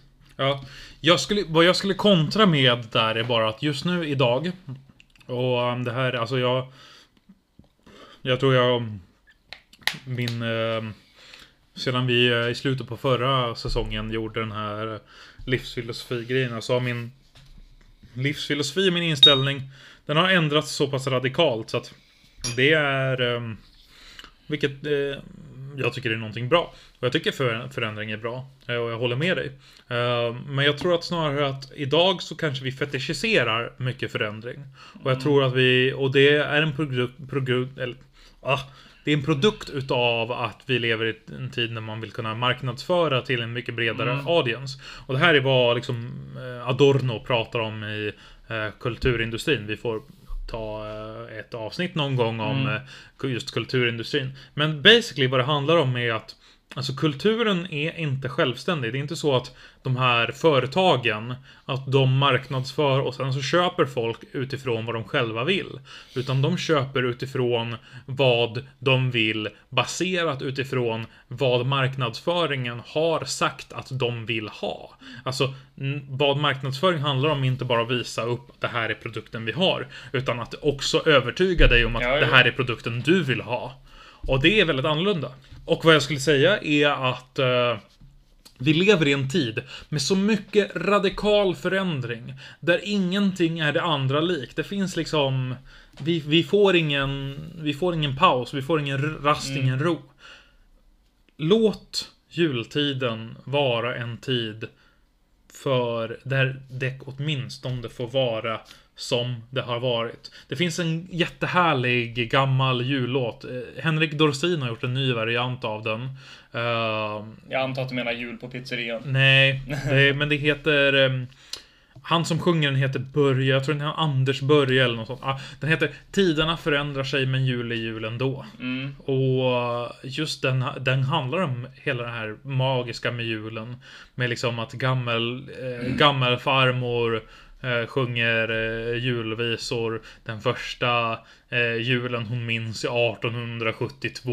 Ja, Tiderna förändrar sig men jul är jul ändå. Det är väl liksom, liksom Klart, julen kommer alltid förändras. Jag är inte emot att den förändras. Vad jag är emot är att skapa nytt för nytt skull. ja, ja, nej precis, det håller jag helt med om, men ändå precis skapa nytt för nytt skull, för du är ändå ditt julbord, precis som eh, det är ändå något som är format väldigt mycket av, eh, som du sa, romantiken och den perioden. Mm. Det är ju inte så att du håller fast vid typ 1600-talets julbord. Mm. Oavsett om eh, vi var väldigt mycket mer eh, familjecentrerade på den tiden och då firade man ju verkligen hela tjocka släkten på 1600-talet jämfört med vad, man ju nu när man kanske firar med vänner eller så, Mm. sådär. Eh, Så det är ju inte så att du vill gå tillbaka till julbordet man hade på 1600-talet utan du utgår ju ändå på något sätt eh, med 1800-talet som en standard. Ja, exakt. Men eh, julen är jävligt nice. Julen är jättetrevlig. Och för att svara på din eh, kära kursares vän så, eh, den, det fullaste avsnittet måste ju nästan varit antingen avslutningen på förra säsongen tror jag. Eh, eller eh, den här kanske avslutningen. Jag skulle säga, för om vi tittar, om vi bortser från det här avsnittet och tittar på säsongen. Ja. Så skulle jag säga fichte-avsnitten när vi provade oktoberal. Mm. Alla, alla, varje gång vi ska prova saker då. Ja, då, då ballar då ballar det ur. Men jag skulle säga, vilket jag, man kanske inte märker när man pratar om det, men Korea-avsnittet. Mm. Ja, den Så- var ju också väldigt... eh, Ja, men jag, jag, när jag lyssnar på det så jag, jag pratar väldigt långsamt och väldigt så här. eh, men det är ju för att vi har shottat soju i eh, timmar. Det är liksom... eh, och vi drack ju öl innan dess också. Ja, precis. Så, så det blev ju väldigt... eh, Det blev väldigt drucket. Så Mm. Fichte och Korea-avsnittet den här säsongen. Ja, jag ska säga det också. Vi, vi har ju fått vår egen lilla wrap, Wrapped. Inte bara att vi har fått på våra egna Spotify, men på eh, förpodden. Eh, och eh, i den så har vi 15 stycken personer. Eh, det kanske kan tyckas lite, men det här är ändå första året för oss. Eh, som har haft eh, Filosofi som deras eh, mest lyssnade podcast. Skål för dessa Eh, hjältar. och eh, skål för dem och skål för er andra också. Men det här är... Om ni lägger ut eran Spotify Wrapped på Instagram eller Facebook och taggar oss så...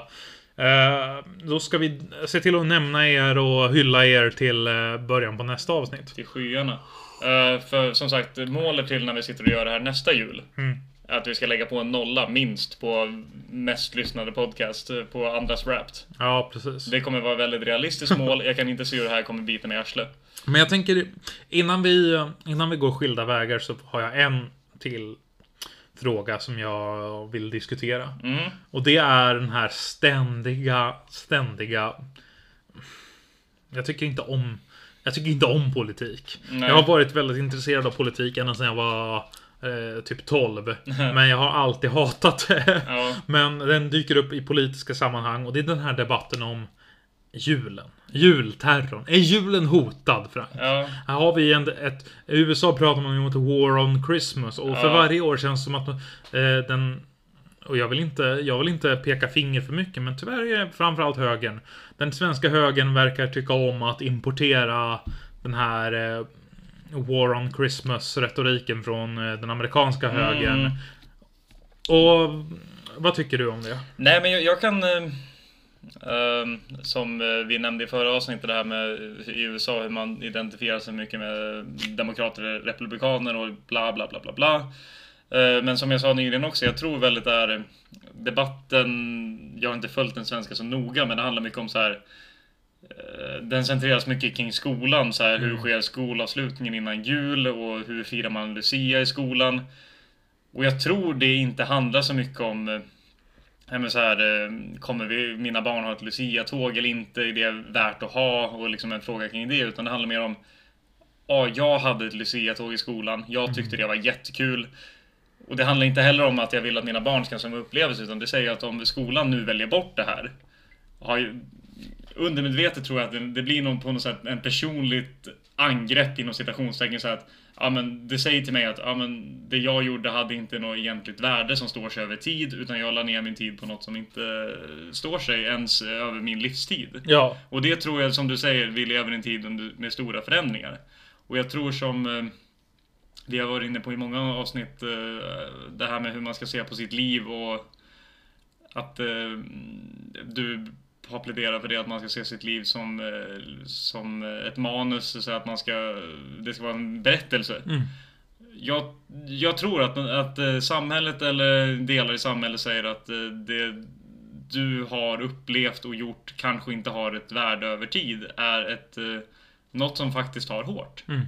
Om eh, det är något eh, man eh, lägger värde vid. Ja, men som så här, vi skippar Lucia i skolan. Mm. Undermedvetet kanske det blir väldigt hårt att ta. Och Ja. det, jag, jag tror det är det det handlar om. Jag tror inte det handlar egentligen om att folk tycker Lucia är så otroligt viktigt och en, av stor kulturell vikt. Utan det är just det här personliga angreppet som jag tror eh, föder debatten.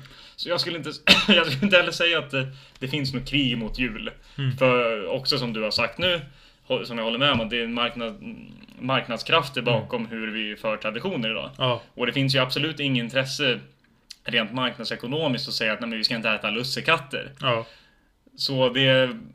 och Nej, det är snarare att vi ska alltid äta Precis, så å ena sidan skulle jag säga att det är en väldigt påhittad konflikt. Mm. Men att den personligt kan upplevas väldigt äkta. Ja. Och att det inte är fel att uppleva det. Jag, jag, jag håller 100% med dig. Jag skulle vilja ut, utveckla på en fråga här och det är just det att... eh, ehm, jag, skulle, jag skulle säga att... Um, dels skulle jag säga att det finns ett krig mot julen. Eh, men eh, det förs inte av någon medvetet. Mm. Och det är inte som de här jag vill inte säga det, jag vill inte använda begreppet jag kommer att använda, men högerdemagogerna eh, använder. Eh, alltså så här, till exempel, det är väldigt tydligt att de här som strider för att de måste få ha Lucia och avslut, julavslutning Mm. och så i kyrkan, att de inte själva är kristna. Åtminstone inte liksom observerar Mm. kristendom, för hade de varit det så hade de del, delvis insett det faktumet att eh, liksom de kommer ju ändå ta sina barn och de kommer ändå gå till kyrkan Mm. och de kommer ändå få den uppfostringen så. Så de själva vill ju inte gå, de själva vill ju inte behöva göra Mm, det. mm. Eh, Men sen så har vi också, så det, jag tror det snarare handlar om att man är liksom rädd för vad det här innebär. Mm. Att det här handlar om en strid över den liksom svenska identiteten. Och det är ju det som är väldigt den här klassiska högergrejen om så här identitarians som de kallar sig och så vidare. Men sen skulle jag också vidare utveckla på eh, alltså just det faktumet Kierkegaard pratar jag om det. och Som jag, eh, Kierkegaard är ju alltså Det är väl Kierkegaard och Källing som eh, i år och framförallt nu här i höst och vinter som har verkligen eh, vunnit mitt, eh, min hjärta och hjärna. Eh, att, eh, han, säger, han säger ju att hans filosofis mål är att vara en kristen inom kristendomen. Mm. Och han säger ju det att om alla är kristna ipso facto, ingen är kristen. Ja. Alltså det vill säga, av sin egen fakta så är ingen kristen. För att kristendomen är ju liksom en, krist, är ju en religion som står upp för de som är nedtrampade, för de som inte har det de behöver. Mm. Det är liksom som, som det är lättare för, eh, lättare för en kamel att komma igenom ett nålhuvud än för en rik man att komma till himmelen. Eh, och att du ska liksom hjäl hjälpa de andra. Och Kristus säger ju själv att eh, det du gör mot din nästa... Han eh, det var kul när jag var på gudstjänsten på domsöndagen där så tog de upp den här väldigt eh, vackra. Kristus säger det att eh, Ja men eh, det De eh, säger det att jag var hungrig och ni gav mig inte mat. Eh, Jag frös och ni gav mig inte husrum. Och så säger de här hycklarna att Ja men Kristus vi visste inte att det var du. Hade vi vetat att det var Ja. du då hade vi Och han säger det att Jag säger det till er att det ni gör mot er nästa, det gör ni mot mig. Precis. Och det är sam och, och, och Kierkegaard pratar om just det att vi lever ju i en annan värld där absolut inte det här sker. Men framförallt på hans tid, alla säger sig vara kristna. Mm. Det måste ju bara betyda att nej, men de är inte kristna. För de är kristna av fel anledning. De är Ja. kristna för att kulturen och de, det kräver det. Därför så menar jag, och Kierkegaard också till viss mening, alltså Ja. ut- inspirerat utav Kierkegaard är att det krävs först att du går igenom att du absolut inte tror på det här. För att kunna komma tillbaka till att faktiskt genuint tro, tro. Och det är det som är det här problemet. Jag tycker att det är nästan... Alltså jag älskade min, eh, mina julavslutningar och eh, Lucia och så jag Mm. hade i Bärlingekyrkan. för Jag gick på Bärlingeskolan. Ja. Shoutout till alla som har gått där eller går där. Eh, men eh, Men samtidigt så inser jag att det finns alltså det är, det är på något sätt felaktigt för att om, man, om du bara tillhör den här delen av ren liksom eh, jag eh, jag gör det här för att mina föräldrar gjorde det här för att liksom och inte för att du själv har Mm. investerat ditt hjärta i det. Då har du misslyckats. Jag, jag skulle säga... Så att de har ju liksom, de lyckas ju inte ens med sin egen, egen karaktär. Nej, precis. Och jag skulle säga att eh, det som känns så artificiellt med både debatten som förs i USA och den som förs här kring det här liksom angreppet mot eh, jul. Mm. Det är att eh, jag kan inte, om jag inte tänker på typ eh, något väldigt totalitärt så kan jag inte tänka på någon tradition som tvingas fram genom eh, Ja men att man säger att vi alltid har gjort det här, vi måste fortsätta på det. Utan om du verkligen tycker om julen och du vill ha Lucia och sådär, då måste du liksom leda genom handling. Mm. Och eh, jag tror att om alla de här eh, som du kallar de högerdemagogerna som verkligen pläderar för att vi ska ha de här traditionella firandena. Ja. Om de istället gaddade ihop sig och ledde igenom exempel. Bara, titta vad grymt Lucia-fen vi har. Ja. Titta vilket grymt julbord vi har. Eller titta på den här, eh, ja men hur, hur vi gör med midsommar eller vad som helst. Om man gjorde på det sättet istället för att bara gnälla på eh, folk som tycker annorlunda. Mm. Då skulle man nå sitt mål i mycket högre grad. Du når inte till om du, om du tänker att du är en person som vill försvara julen. Ja. Du kommer inte dit via DNs debattsida. Du kommer Nej. dit genom att fira jul. Exakt. Ja, Exakt. och så jävla svårt är det inte. Ja, och jag Och- skulle, det är därför jag skulle säga liksom till en viss utökan att de har, går också mycket fel. För att de, de tillskriver den här, vad de ser som the, liksom, eh, the war on Christmas, eller liksom kriget mot julen. Mm. De tillskriver det till en viss liksom, liten grupp människor som vill göra det mer liksom, in, inkluderande. Men kära någon, vad är mer i julens anda än att göra det mer tillgängligt åt fler människor? Det tar, Eh. vi, det tar vi skål på. Jag, Och där skulle jag säga att eh, Vad jag vill säga är att det största kriget mot julen är som många väldigt smarta Många smarta präster har gjort och det finns väldigt, det finns väldigt kul så här Fox, eh, Fox News när de intervjuar en präst. Och de försöker få den här prästen att säga att ja, eh, det är ett war on Christmas, man får inte längre säga god jul. Vad han egentligen säger är väldigt smart. Nej men, nu har konverterat julen till att det handlar om att köpa presenter Ja. och så. När det handlar om att liksom kärlek till din nästa och så. Och det är just det på grund av vad eh, Adorno pratar om och Horkheimer pratar om, just kulturindustrin, så vill man ju liksom luckra upp julen. Man börjar fira jul så fort, liksom till och med innan halloween, kommer julmusten. Men magin, som vi redan diskuterat, magin består ju i att det kommer bara vid en kort period om året. Så fort vi börjar säga att nej men du kan få det här när du vill, då har vi liksom, vi har tagit bort, vi liksom som att vi blir så här, om vi ska prata psykoanalytiskt, vi blir så här idstyrda småbarn Ja. som inte längre har någon självkontroll. Men- Snälla ja. någon, liksom håll dig fast. Det, problemet är just att man vill marknadsföra Precis, precis. julen som någonting du kan göra när fan du vill. Och det är ju också det paradoxala med eftersom det oftast är folk på högerfronten som pläderar för Ja. det traditionsenliga så är det också de som ja, nu har jag inget exempel men jag kan ju tänka mig att eh, om du är på Timbros tankesmedja att du samtidigt som du ja, men starkt pläderar för jul och traditioner så är du också den första som retweetar årets julklapp. Ja, ja men Och- verkligen. Och där tycker jag vi säger god jul. Ja, det tycker jag. Eh, det här har varit eh, säsong två utav eh, Filosofi. Vi ses. Jag har ju planer på att ha, ha en... Ehm, jag, jag har haft sen min förändring i livsstruktur förra månaden har jag tänkt att eh, fram till nyår ska jag göra exakt vad fan jag vill. Jag ska säga ja till allt, inga hämningar alls. ja. Och utifrån det jag tänkte jag ska ha en vit januari. Efter nyår blir ju du och jag roommates också. Det blir vi också. Vi går från att vara grannar till att vara Det är, det är inte så att vi har gått från att vara grannar. Du, vi var grannar, sen blev vi ännu närmare grannar och nu blir vi roomies. ja. ja, Men, men... eh, någon gång i början av nästa år ses vi för säsong tre. ja, någon gång efter Kindelsmäss. Och då ska Eh. vi ta oss upp på Hegelteglet. Jag ska skrika med hes för Schopenhauers världsvilja. Och vi ska absolut prata om eh, Mindländers nihilism. Jajamän, vi ska prata om... Vi, vi ska försöka fokusera på lite så här okända tänkare nästa år. Men det... Men eh, till alla kära lyssnare ute i stugor, lägenheter, under broar eller i slott vill vi önska ett väl, en väldigt god jul och ett gott nytt år. Filosofi i stadion... från oss alla till er alla. En riktigt, Riktigt god, god jul. julöl. Ja. Och eh, Gud välsigne er alla. Eh, och som man säger i Korea så säger man Kim Jong-Suk. Chokahamnida. Ni vet våra eh, sociala medier. Instagram, eh, Facebook. Där heter vi filosofi, filosofi. Youtube heter vi Filosofi Podcast. Och Ja. ni kan mejla oss på eh, filosofi at gmail.com. Och gärna hatmejl. Ja, Klick god jul! Så var vi här igen Inne på kammaren Med Platon i första Descartes, i andra Sakappa i tredje och Brezjnak, i fjärde nu blir det filosofi.